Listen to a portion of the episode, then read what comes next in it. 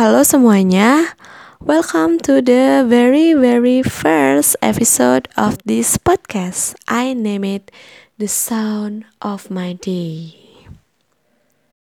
Well, kedengerannya klise, tapi percayalah nama itu sudah aku pikirkan matang-matang teman-teman dan sudah melalui berbagai seleksi alam dan buatan dengan persaingan yang ketat bahkan sebelumnya podcast ini aku namai anonim terus tiba-tiba suatu hari aku lagi sembayang terus tiba-tiba aja aku mendapat inspirasi kayak kayaknya bagus deh kalau misalnya podcast ini aku bawa kayak gini dan akhirnya aku menamai podcast ini The Sound of My Day.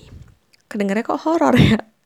Padahal nggak guys, ini bukan podcast horor.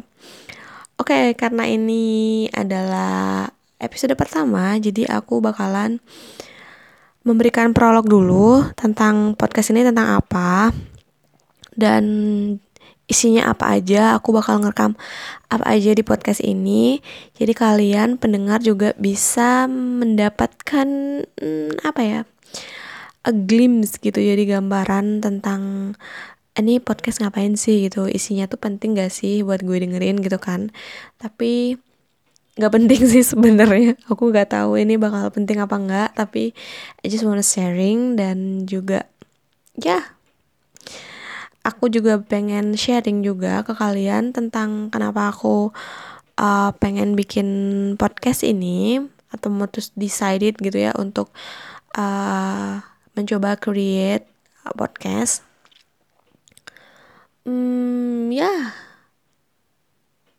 Seperti itulah Alright, aku belum perkenalkan diri. Um, sebenarnya nggak ada yang spesial sih. Aku nama aku Sekar. Um, dan ya aku orang biasa, just a living a living average mama in this wide world. Aku 24 tahun dan aku sudah bekerja di sebuah kantor ya dan aku menjalani kehidupan kehidupan kantor biasa that's it Oke, okay, maaf kalau sedikit boring. Maklum lah ya, ini pertama kali aku mencoba merekam. Um, well, aku bakal ngejelasin. Uh, bukan ngejelasin, sharing aja. Kenapa aku mulai untuk bikin podcast dan ya buat motivates me gitu kan. Um, honestly gak ada yang memotivasi aku sih sebenarnya. Uh, gak ada yang maksudnya sekar kamu harus membuat podcast. Atau suatu kejadian yang membuat aku kayak sekar buatlah sebuah podcast. Nggak nggak ada guys nggak ada. Jadi hmm, alasan utama aku ngebuat ini adalah karena aku memang hobi berbicara teman-teman. Jadi aku suka banget cerita aku suka banget bicara. Bukan berarti aku talkative atau um, mudah akrab sama orang lain nggak sama sekali. Aku orangnya introvert. Um, cuma oh ya ini pengertian introvert ini juga sering disalahgunakan ya. Cuma introvert itu bukan berarti tidak suka bersosialisasi kawan-kawan. Tapi kita akan bahas di episode lain aja lah ya tentang introvert introvert ini. Um, but uh, nah aku lupa kan aku sampai mana. Ya aku bukan orang yang talkatif gitu, tapi aku tuh suka banget cerita tentang um, apa yang aku lalui hari demi hari gitu. Maksudnya lebih ke kayak apa at the end of the day aku suka banget ceritain orang-orang terdekat aku tentang apa yang udah aku lalui. Dan kalau misalnya aku kayak menemukan hint dari suatu kejadian gitu ya atau hikmah dari suatu kejadian aku kayak can help myself to to tell anyone gitu. Nah kadang-kadang itu bikin orang-orang di sekitar aku kayak annoying. Kayak pacar aku suka banget kayak uh, come on babe gitu mm, oke. Okay. aku harus menahan diri aku untuk tidak bercerita lebih lebih lebih gitu kan. So ya akhirnya aku memutuskan untuk kenapa enggak aku mencoba untuk buat podcast karena aku suka cerita. Um, hopefully aku bisa sharing sesuatu yang um, berguna. Ya kalaupun itu nggak berguna at least um, kalau ada kalian di luar sana yang merasa yang merasa cuma aku cuma aku yang mengalami ini di dunia ini at least kalian tahu ternyata ada orang lain di luar sana yang juga punya masalah yang sama atau mengalami kejadian yang sama sama kalian gitu. Ya. Yeah. you were not alone. Gitu. Aku nggak pandai nyanyi so please forgive me Oke, sekarang aku mau sharing juga kenapa aku bikinnya podcast. Kenapa misalnya aku nggak bikin di media lain kayak YouTube misalnya. Um, well aku sebenarnya udah pernah mencoba teman-teman untuk create uh, channel YouTube. Aku juga udah coba rekaman cuma gagal. Jadi ketika aku rekaman terus aku ngeliat ini tuh kenapa gini tampilan aku di kamera gitu? Kayak aduh ya ampun ada jerawat ya ampun aduh belum tercover gitu. Terus oh ya ampun rambutnya kurang kayak gini kurang kayak gitu. Terus aduh kayak aku kelihatan gendut deh kalau pakai baju ini. Terus kayak aduh ekspresi aku kenapa kayak gitu? Gitu. Itu oh my god. Well ternyata percobaan membuat YouTube itu memperlihatkan bahwa ternyata aku bukan tipe orang yang confident guys. Ternyata membuat YouTube itu tidak mudah guys. Terbiasa melihat penampakan diri kita di kamera dan memahami bahwa memang diri kita tidak sempurna adalah hal yang sulit. Ya begitulah. Dan memang aku orangnya cukup mageran jadi jadi aku nggak suka ribet gitu ya maksudnya. Kalau YouTube kan ya memang kita butuh effort lebih gitu. Ya harus uh, setting kamera kemudian kayak harus mem apa ya ngeliatin apa background kita juga. Maksudnya kalau cara yang moreng gitu komel gitu kan gak bagus ya. Misalnya nggak nggak ya nggak nggak enak lah dipandang gitu nah begitulah kenapa aku akhirnya nggak bikin YouTube. Sepertinya aku kurang effort ya tapi memang begitulah adanya aku ya. Dan aku menemukan media lain yang lebih comfortable buat aku dan kayaknya lebih just fit me well gitu. Yaitu podcast. Karena kenapa ya? Aku enjoy banget dengerin podcast. Aku suka banget dengerin podcast karena aku cuma dengar suaranya gitu guys. Jadi lebih apa ya lebih intimate gitu loh. Dan juga lebih khusyuk rasanya.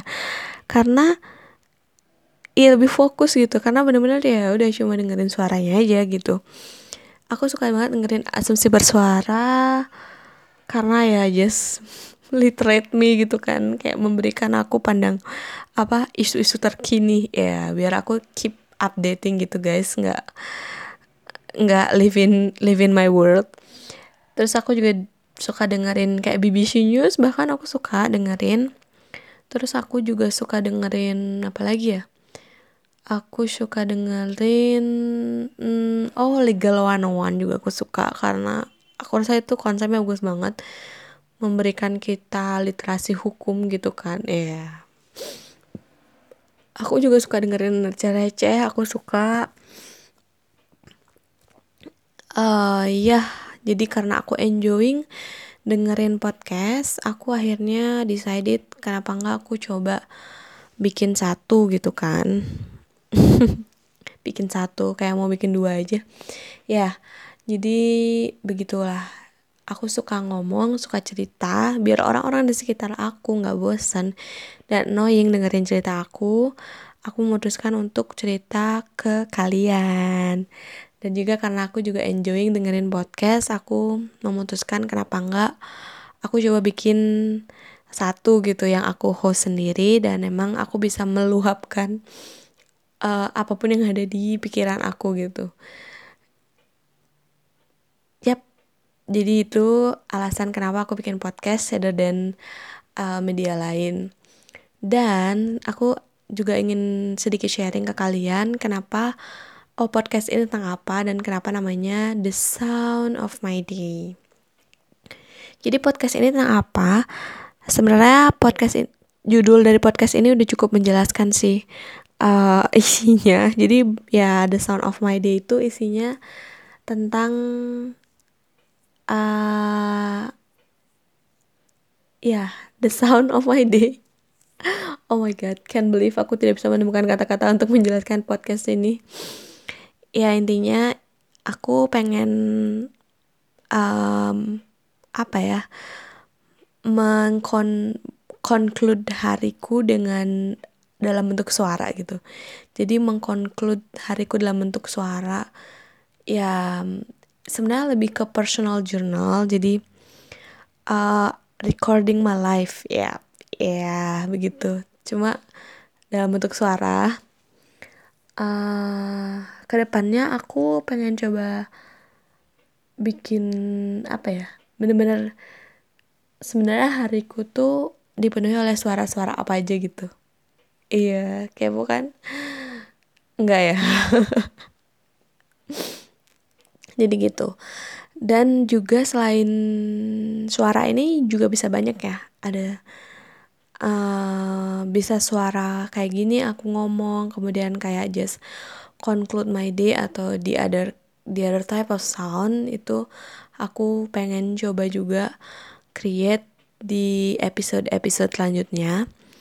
Nah, tapi intinya sih sebenarnya ini lebih ke personal journaling dan hmm, apa ya self reflection mungkin gitu atau conclude my day with a sound in a kind of sound. Ya begitulah kira-kira. Jadi buat kalian yang mungkin berpikiran hmm, kayaknya nggak deh buat gue nggak apa-apa just walk out gitu. Karena ini lebih tentang uh, ya what's in my day aja. Uh, tapi hopefully um, apa yang aku sharing uh, kalau nggak entertaining ya bisa apa ya um, have you to conclude your day maybe. Dan sekarang aku bakalan um, masuk ke episode pertamanya. Gila prolognya panjang banget ya. Semoga kalian gak bosan ya teman-teman. Maafkan pemula, pemula, pemula. Jadi episode pertama ini Aku ini ngerekamnya pagi-pagi sebelum berangkat kantor. Aku usahakan untuk ngerekam karena aku udah sangat sangat menunda-nunda untuk ngerekam podcast ini. Jadi akhirnya aku putuskan, oke, okay, aku harus rekam sekarang. Hari ini aku akan lebih cerita, cerita tentang uh, apa yang pernah aku alami, gitu um, ini tentang tentang mata. ini bukan uh, podcast kedokteran jadi tenang aja aku gak bakal menjelaskan tentang anatomi dan fisiologi mata ya teman-teman. Jadi aku itu uh, miopi.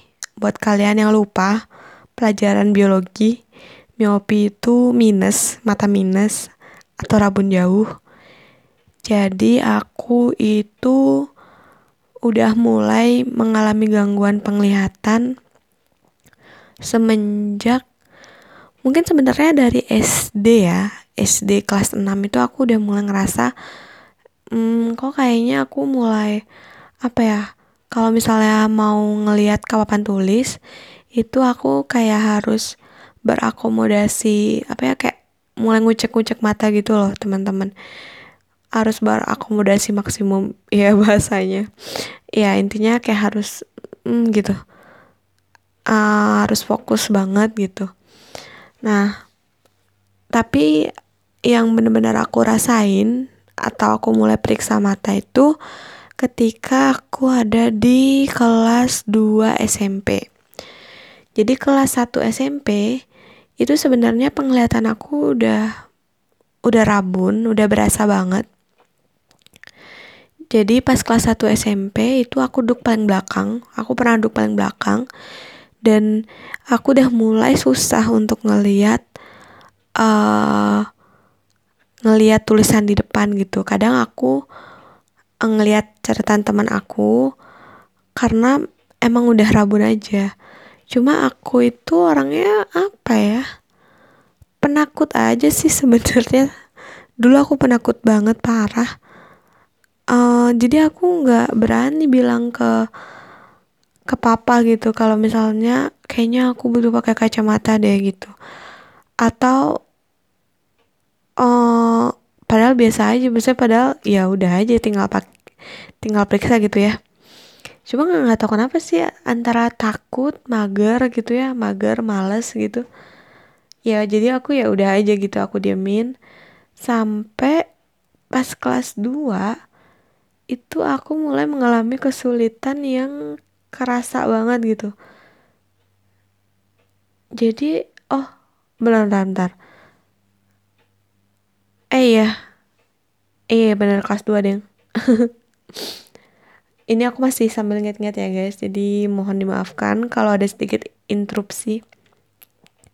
Jadi pas kelas 2 aku udah mulai susah banget karena aku ingat waktu itu aku duduk di bangku nomor 2. Jadi deretan nomor 2 gitu guys. Jadi nggak tahu jauh kan dari papan tulis. Tapi aku gak jelas ngeliat guru tuh nulis apa gitu. Yang aku ingat banget itu waktu aku ulangan. Jadi aku ulangan terus uh, ulu, apa soal ulangannya tuh nggak dibagiin dalam kertas itu. Jadi ditulis di papan tulis. Terus aku nggak bisa ngeliat atau gak jelas lah. Aku lupa deh. Pokoknya aku nggak bisa baca. Sorry. Aku nggak bisa baca tulisan di papan tulis itu. Jadi akhirnya aku uh, nanya ke teman aku kayak um, apa nanyain soal ulangannya apa gitu. Terus temenku yang ngasih gitu kan. Cuma kan kita jadi kayak apa kayak kayak kayak kayak nyontek gitu maksudnya kesannya. Karena karena ya dia ngasih kertas ulangannya gitu kan. Padahal aku sebenarnya cuma mau lihat soalnya aja gitu karena aku nggak bisa ngeliat gitu sampai separah itu. Dan jarak dari papan tulis ke deret bangku nomor 2 sebenarnya kan nggak jauh ya. Nah dari sana akhirnya aku mulai uh, oh waktu itu ada ada brosur. Jadi ada yang bagian brosur depan sekolah. Kayaknya dia toko mata yang eh toko mata toko kacamata yang baru buka. Terus dia bagian brosur. Nah terus kebetulan aku sama teman-teman aku tuh kayak iseng gitu kayak eh cobain yuk gitu. Terus aku kayak eh iya nih kayaknya aku juga perlu kacamata deh. Yuk, cobain gitu karena ada uh, periksa mata gratis gitu kan. Nah cobalah aku periksa mata gratis. Uh, rame-rame nih sama yang lain. Nah setelah itu aku dikasih tahu uh, deh kamu minusnya udah tinggi katanya gitu. Kamu ini minus dua atau dua setengah gitu ya aku lupa banget antara dua atau dua setengah. Terus kamu kalau minusnya udah segini itu harusnya udah pakai kacamata gitu. Nah dengan minus dua atau dua setengah itu ya aku tuh masih naik motor loh. Naik motor jadi dulu waktu SMP karena nggak ada yang nganterin aku aku naik motor ke sekolah. Aku juga pernah naik sepeda ke sekolah jadi saya masih berkendara gitu loh. Dari rumah ke sekolahku tuh jaraknya sekitar 3 kilo. Jadi lumayan jauh kan? Nah aku nggak tahu itu aku kenapa ya pak? Karena aku udah terlalu terbiasa sama rabunnya akhirnya nggak berasa sih gitu. Aku cuma aku hanya menjalani hari-hari seperti biasa gitu nggak menyadari kalau ternyata uh, minus mataku nih udah cukup parah. Sedangkan teman-teman aku yang lain yang ikut tes mata bareng itu minusnya cuma ya kayak 0,5 0,75 gitu. Ada yang satu gitu. Cuma kan minus satu tuh memang masih tolerable ya guys. Emang susah buat ngelihat cuma ya kalau mau berkendara atau misalnya mau uh, apa ya sekedar ngelihat di papan tulis atau misalnya ngelihat yang biasa itu kan masih normal-normal aja. Tapi minus dua itu kan udah mulai apa ya udah mulai sangat rabun sebenarnya ya kalau aku sadari sekarang. Nah si tukang kacamata itu sampai heran kayak kamu masih bisa naik motor sendiri gitu? Bisa. Btw ini aku rebel ya naik motor SMP tapi emang saking gak ada yang nganterin jadi aku disuruh naik motor sendiri. Terus nah dari itu aku ketika dikasih tahu minus aku udah segitu dan itu ternyata udah parah aku langsung kayak ngedek gitu. Kayak aku langsung keringat dingin walaupun tetap berusaha ya santai santai gitu kan. Cuma aku udah keringat dingin banget duh gimana ini kata si tukang kacamatanya ini kamu harus pakai kacamata deh gitu. Terus waduh gimana? gitu kan. Akhirnya aku pulang bawa si berkas itu berkas guys. Apa sih? Si yang intinya hasil tesnya dan harus pakai kacamata gitu ya dari si tukang kacamatanya. Si tukang kacamata sih seneng deh. Promosinya berhasil kan aku bawa pulang terus aku udah grogi banget aduh gimana ini kan? Gitu. Nah mungkin kalian perlu tahu juga kondisi di rumah aku. Jadi mamaku itu juga uh, pakai kacamata dan cukup tebal guys. Jadi aku lupa deh minus mamaku waktu itu berapa tapi tebal lah intinya. Dan dia juga udah pakai kacamata dari kecil. Nah uh, mamaku tuh tipe yang parnoan gitu. Jadi dia selalu bilang kayak aduh jangan sampai anak mama kayak mama gitu. Jangan sampai anak mama nanti kacamatanya kayak tebel apa atau matanya nggak normal kayak gitu. Jadi ketika aku menerima fakta bahwa aku minusnya udah tinggi tuh aku kayak waduh nih gimana? gitu kan bilang sama mama mati deh aku kena marah gitu. Nah aku bawa pulang terus kayak aku simpen gitu kan sampai malam hari air atau nggak tahu sih aku lupa atau besoknya tuh akhirnya aku beraniin bilang terus aku bilangnya sambil nangis sumpah lebay banget sih. Aku overthinking banget ya orangnya overthinking dan perfeksionis. Jadi ketika ada masalah atau kayak menemukan sesuatu yang menghalangi gitu ya aku kayak benar-benar bisa depres banget gitu. Jadi aku nangis terus kayak meng, kayak apa ya? Ya intinya aku waktu itu depresi banget. Terus bukan depresi sih stres stres ya stresnya anak kelas 2 SMP gitu lah nah terus ayah aku nggak apa-apa gitu kan. Aku dipeluk terus nggak apa-apa deh nanti kita ke dokter mata ya gitu. Dah gitu uh, nah buat FYI aja sih ini jadi waktu ini bukan maksud sombong atau apa tapi FYI untuk menambah mendramatisasi ceritanya.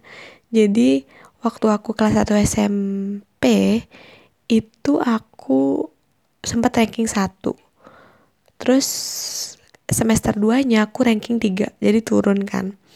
Terus pas kelas 2 aku masuk kelas unggulan dan aku anjlok banget prestasinya aku nggak dapet ranking. Mungkin emang aku nggak lebih pintar dari yang lain ya. Tapi tapi kayak aku nggak sebodoh itu deh guys. Maksudnya nggak dari ranking satu jadi langsung nggak nggak dapet ranking kan. Gitu. Jadi sempat anjlok waktu karena aku susah ngelihat ke papan tulis juga ya. Nah setelah itu kita kembali ke ceritanya. Setelah itu kayaknya entah seminggu gitu ya. Entah selang seminggu dari aku periksa mata atau selang nggak sampai seminggu aku lupa sih. Tapi intinya nggak lama dari aku periksa mata di tempat kacamata itu aku bikin appointment di dokter mata dan aku datang ke dokter mata dan aku dites mata. Nah waktu tes mata ternyata minus aku naik jadi tiga minus tiga gitu ya? Tiga sama dua setengah atau intinya ada tiganya kalau nggak salah. Atau tiga sama empat ya? Aku lupa deh. Terus aku yang bener-bener down banget. Karena itu selangnya nggak lama guys. Kayak cuma nggak sampai seminggu bahkan. Mungkin tiga hari atau berapa. Ah kenapa bisa minus aku naik gitu? Maksudnya dalam waktu sekian hari gitu kan itu aku depres banget nih aku punya kelainan atau gimana gitu kan. Aku sumpah depres banget atau tukang kacamatanya nggak benar periksanya gitu. Cuma cuma apa pun itu alasannya ya mau mau hal-hal yang serius atau hal-hal yang trivia itu kan bikin mental aku kayak down banget gitu loh guys. Ya ampun kenapa gitu? Nah aku wah gila sih waktu itu aku sedih banget sih itu aku sedih banget. Dan itu aku masih kecil ya. Terus tapi ayah aku santai aja sih dia. Oh ya udah kita bikin kacamata ya dek gitu. Santai aja. Terus sih ya habis itu aku ke tukang kacamata itu lagi membawa resep dokter yang aku udah naik minusnya. Si tukang kacamatanya sih ya udah bikinin kacamata aja sih sesuai resep dokter. Sebenarnya aku juga salah sih aku nggak cross check ya maksudnya nggak uh, coba tes lagi di tukang kacamatanya gitu. Siapa tahu ada yang salah gitu kan aku nggak cross check ya udah bikin aja. Nah akhirnya aku mulai memakai kacamata dengan minus tiga tiga atau berapa ya sekitar itu. Dan dokternya nanya aku pusing nggak? Enggak gitu. Oh kuat ya matanya gitu.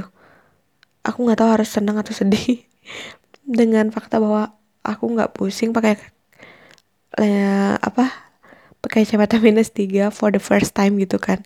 Orang biasanya tuh mulai dari minus setengah atau satu gitu ya teman-teman. Aku mulai dari minus tiga loh beneran. Eh tapi aku nggak tahu sih yang lain gimana. Kayaknya ada juga orang di luar sana yang emang udah mulai pakainya dari minus yang tinggi gitu ya pasti ada sih. Cuma uh, waktu itu sekeliling aku nggak ada yang kayak gitu.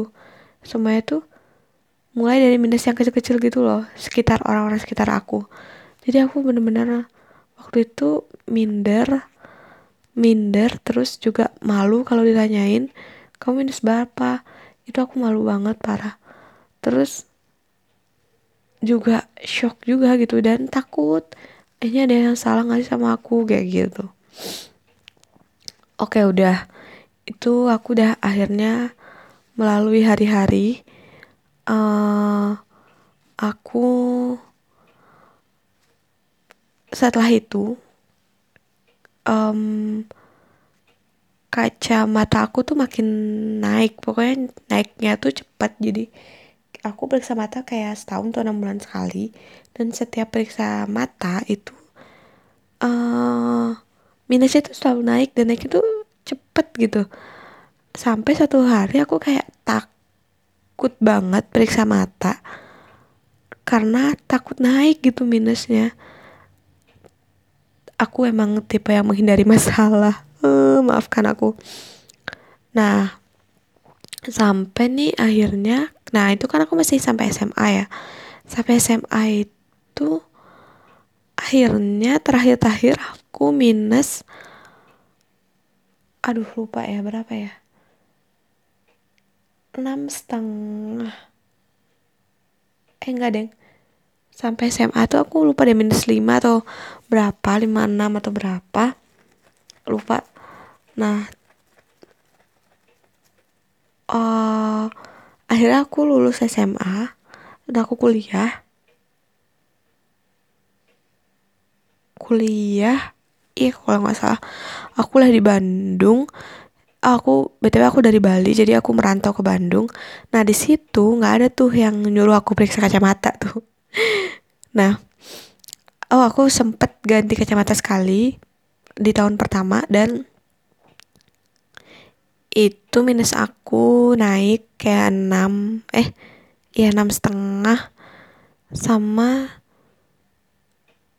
enam setengah sama tujuh setengah gitu kalau nggak salah. Jadi ketika uh, tingkat satu berarti umur berapa tuh? Umur lap 19 tahun ya kayaknya. 19 tahun itu minus aku naik enam setengah sama tujuh jadi enam setengah sama tujuh setengah. Dan itu pun aku periksanya karena disuruh periksa sama mama waktu balik ke Bali gitu. Nah setelah itu aku udah nggak periksa lagi. Dari berarti umur aku 19 tahun lah anggaplah 19 tahun. Eh 18 tahun deh 18 tahun sampai umur aku eh ih gimana sih? Sampai 19 tahun sampai akhirnya aku periksa mata lagi di umur 23 jadi 4 tahun. Karena itu aku orang tua aku udah apa namanya sebenarnya orang tua aku selalu nanyain ya gimana kacamatanya masih cocok nggak? Kalau nggak diperiksain gitu. Iya masih kok masih gitu. Aku selalu bilang gitu padahal ya udah mulai lah ya cuma masih bisa dipakai. Cuma kan aku udah jauh dari orang tua jadi ya orang tua aku juga nggak bisa kontrol aku sebegitunya. Jadi orang tua aku uh, mempercayakan aja lah kalau aku bilangnya oke okay, ya berarti masih oke okay, gitu. Nah ternyata aku nggak periksa mata selama 4 tahun. Kenapa? Berapa karena aku takut sih. Karena aku takut nanti minusnya nambah terus ya intinya aku takut aja. Aku juga nggak tahu sih kenapa aku takut. Nah waktu itu aku sempet sampai lupa aku minus berapa. Saking lamanya aku nggak periksa. Dan ketika ada yang nanya itu aku bilangnya aku minus 5 4 atau 5 aku lupa. Karena aku malu. Entah tapi sampai at the end akhirnya aku juga lupa sih aku minus berapa gitu ya. Saking lamanya juga atau saking ingin melupakannya juga sih aku uh, aku minus berapa aku sampai lupa lah pokoknya intinya. Itu terus akhirnya aku empat tahun itu kenapa aku periksa mata? Karena tiba-tiba mata aku sakit. Dan itu aku udah takut ya ampun apa tegangan bola mata aku terlalu tinggi? Apakah saya akan buta? Pokoknya gitu.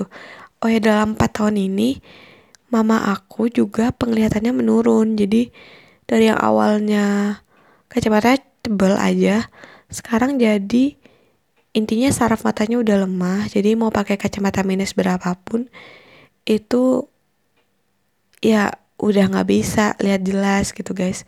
Sempat mama aku bikin kacamata yang entah itu minus berapa ya 20 atau berapa tapi dia tebel banget harganya mahal. 3 juta atau 5 juta ya waktu itu 5 juta kayaknya. Mahal dan lensanya itu lensanya itu bukan lensa cem apa ya? Cembung apa cekung ya kalau minus ya? Cukung ya? Aku lupa deh.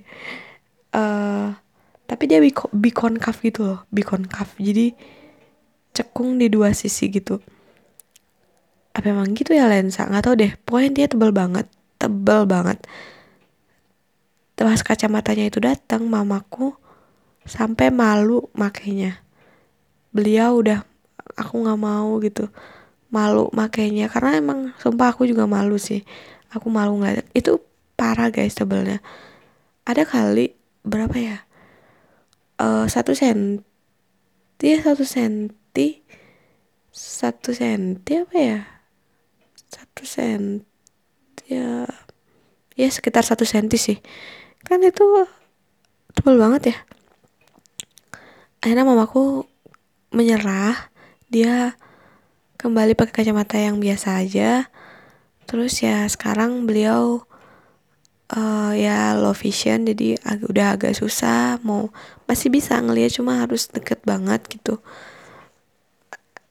Dan ya sekarang sih kata dokter ya mau dioperasi juga nggak bisa karena uh, ini masalahnya udah saraf gitu. Jadi kata dokter ya udah gitu kan. Terus nah jadi selama empat tahun aku nggak pakai kacamata itu ada kejadian itu gitu di rumah yang semakin membuat aku takut punya keparnoan sendiri terhadap mata aku gitu tapi suatu hari itu mataku sakit banget. Nah aku akhirnya ke rumah sakit mata di Bandung Cicendo dan aku akhirnya periksa mata karena memang aku udah takut banget. Dan waktu itu uh, ada pacar aku juga yang kayak apa ya dia ayo gitu nggak apa-apa aku temenin gitu yang mengencourage aku gitu.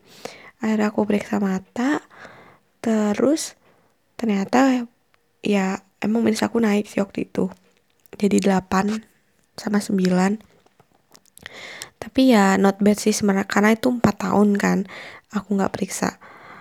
Dan ternyata sakitnya itu bukan karena apa-apa tapi karena ada apa sih serpihan plastik gitu loh di mata aku. Mungkin kata dokter waktu aku lagi bersih-bersih atau gimana aku kejatuhan serpihan plastik atau sih kenapa bisa nempel di sana ya aku dikasih obat tetes biasa gitu dan aku ganti kacamata.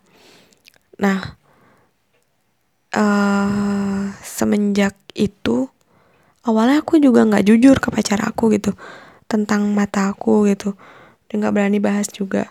Tapi sejak saat itu aku mulai jujur sama dia. Dia juga udah tahu kondisi mata aku yang sebenarnya gimana. Dan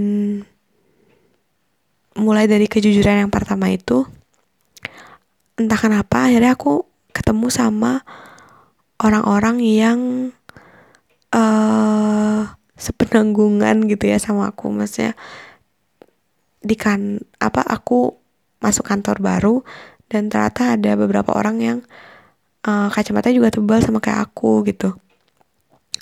Nah aku mulai merasa nyaman dan akhirnya aku mulai bisa jujur sebenarnya aku masih malu sih sampai sekarang. Kalau misalnya ada yang nanyain aku minus berapa itu aku masih malu jawabnya.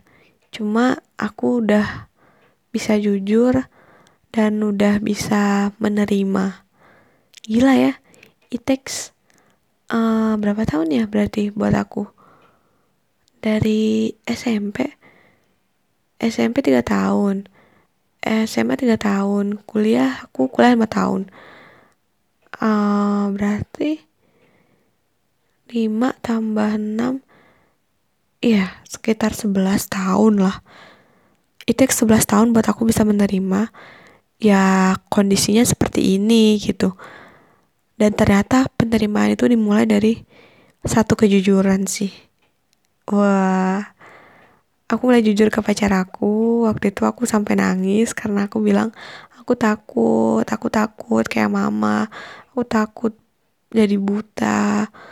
Aku takut jadi low vision gitu ternyata satu kejujuran itu membuat aku lebih free dan lebih ringan sih untuk menyampaikan ya kejujuran-kejujuran lainnya gitu. Ya, ternyata setelah 11 tahun aku gak bisa menerima kondisi aku, ternyata cerita ke orang tentang ketakutan aku membuka diri ke orang lain itu bisa membuat aku menerima keadaan ini gitu. Maksudnya aku nggak tahu sih kalau kalian mungkin mungkin sebagian nggak tahu sih sebagian orang mungkin freely aja gitu ya menyampaikan ke orang lain kalau dia takut kalau dia lemah kalau dia uh, punya kekhawatiran. Tapi aku itu aku kan tipe yang kayak gitu. Aku apa ya di satu sisi aku, aku terbuka untuk masalah-masalah masalah-masalah yang aku alami gitu ya yang datangnya dari luar diriku. Tapi kalau masalah yang datangnya dari dalam diri ya seperti insecurity masalah mata terus adalah yang lain juga kayak masalah-masalah yang ada dalam diri aku aku tuh tertutup banget tertutup banget. 11 tahun itu aku nggak pernah cerita sama siapa pun kalau sebenarnya aku takut gitu. Aku nggak pernah cerita sama siapa pun. Aku selalu kayak mm, oh gitu. Maksudnya santai banget gitu loh. Gak pernah cerita kalau sebenarnya dalam diri aku ada ketakutan itu gitu. Sebenarnya ketakutan aku bukan gak berdasar ya guys. Selain mama aku kayak gitu jadi dari generasi mamaku tuh selalu ada satu orang yang kacamatanya tuh maksudnya mat, minus matanya tuh tinggi gitu. Jadi ya aku juga faktor keturunan juga gitu. Cuma kan jadi jadi takut gitu jadi kebayang-bayang apakah nanti aku juga akan kayak gitu gitu. Gitu. Sih itu 11 tahun itu aku takut sendiri. Aku kadang-kadang nangis sendiri terus aku juga menenangkan diri sendiri gitu. Tapi uh, satu insiden itu ngebuat aku akhirnya cerita ke satu orang. Dan ketika aku cerita ke satu orang akhirnya aku bisa terbuka ke semua orang gitu. Gak tau sih aku merasa itu ajaib banget.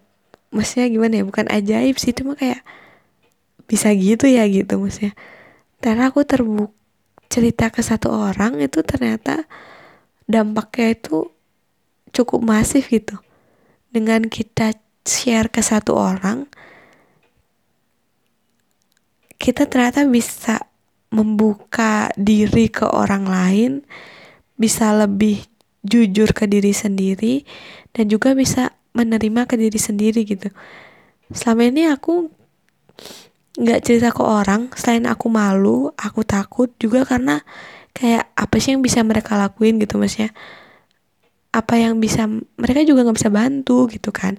Aku cerita sama mereka juga nggak membuat mata aku jadi lebih baik toh gitu. Makanya aku juga nggak nggak cerita gitu. Tapi ternyata apa ya ternyata kekuatan dari kita terbuka ke satu orang itu cukup besar gitu. Jadi ya tentu aja orangnya juga harus orang yang tepat gitu ketika kita cerita ke orang yang apa ya orang yang toksik gitulah ya. Mungkin yang bukannya membantu malah bikin kita tambah desperate gitu. Cuma ya aku just aku baru aja men menemukan fenomena itu gitu. Mungkin sebagian dari kalian juga mengalami hal yang sama-sama aku ya bahwa ketika kamu mendam sesuatu gitu kan kamu merasa ya nggak ada gunanya aku cerita ke orang lain gitu. Dan kamu mendam itu lama banget. Mungkin kalian bisa coba cara aku gitu. Coba cerita ke satu orang yang kalian percaya dan menurut kalian dia bakal support kalian ya. Mungkin tuh bisa membuat semua terlihat lebih terang gitu loh maksudnya. Ternyata ternyata ada juga teman aku yang kayak gitu dan ya aku nggak harus mengurung diri gitu karena itu gitu loh. Gitu sih yang aku rasakan. Dan buat teman-teman di luar sana yang uh, minusnya juga tinggi kayak aku ada aku tenang. Ada aku yang juga aku juga punya uh, gangguan penglihatan yang mungkin cukup parah juga. Ya ada aku guys tenang. Kalian tidak sendiri. Dan buat teman-teman di luar sana yang hmm,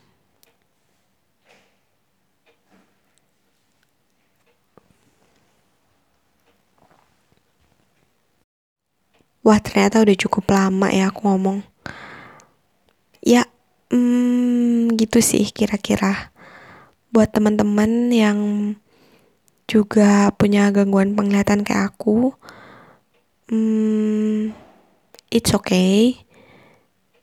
Cuma coba kita cuma perlu coba untuk menerima menerima dan jujur terutama sama diri kita sendiri. Dan ketika kita buka mata lagi di pagi hari ternyata dunia nggak seburuk itu.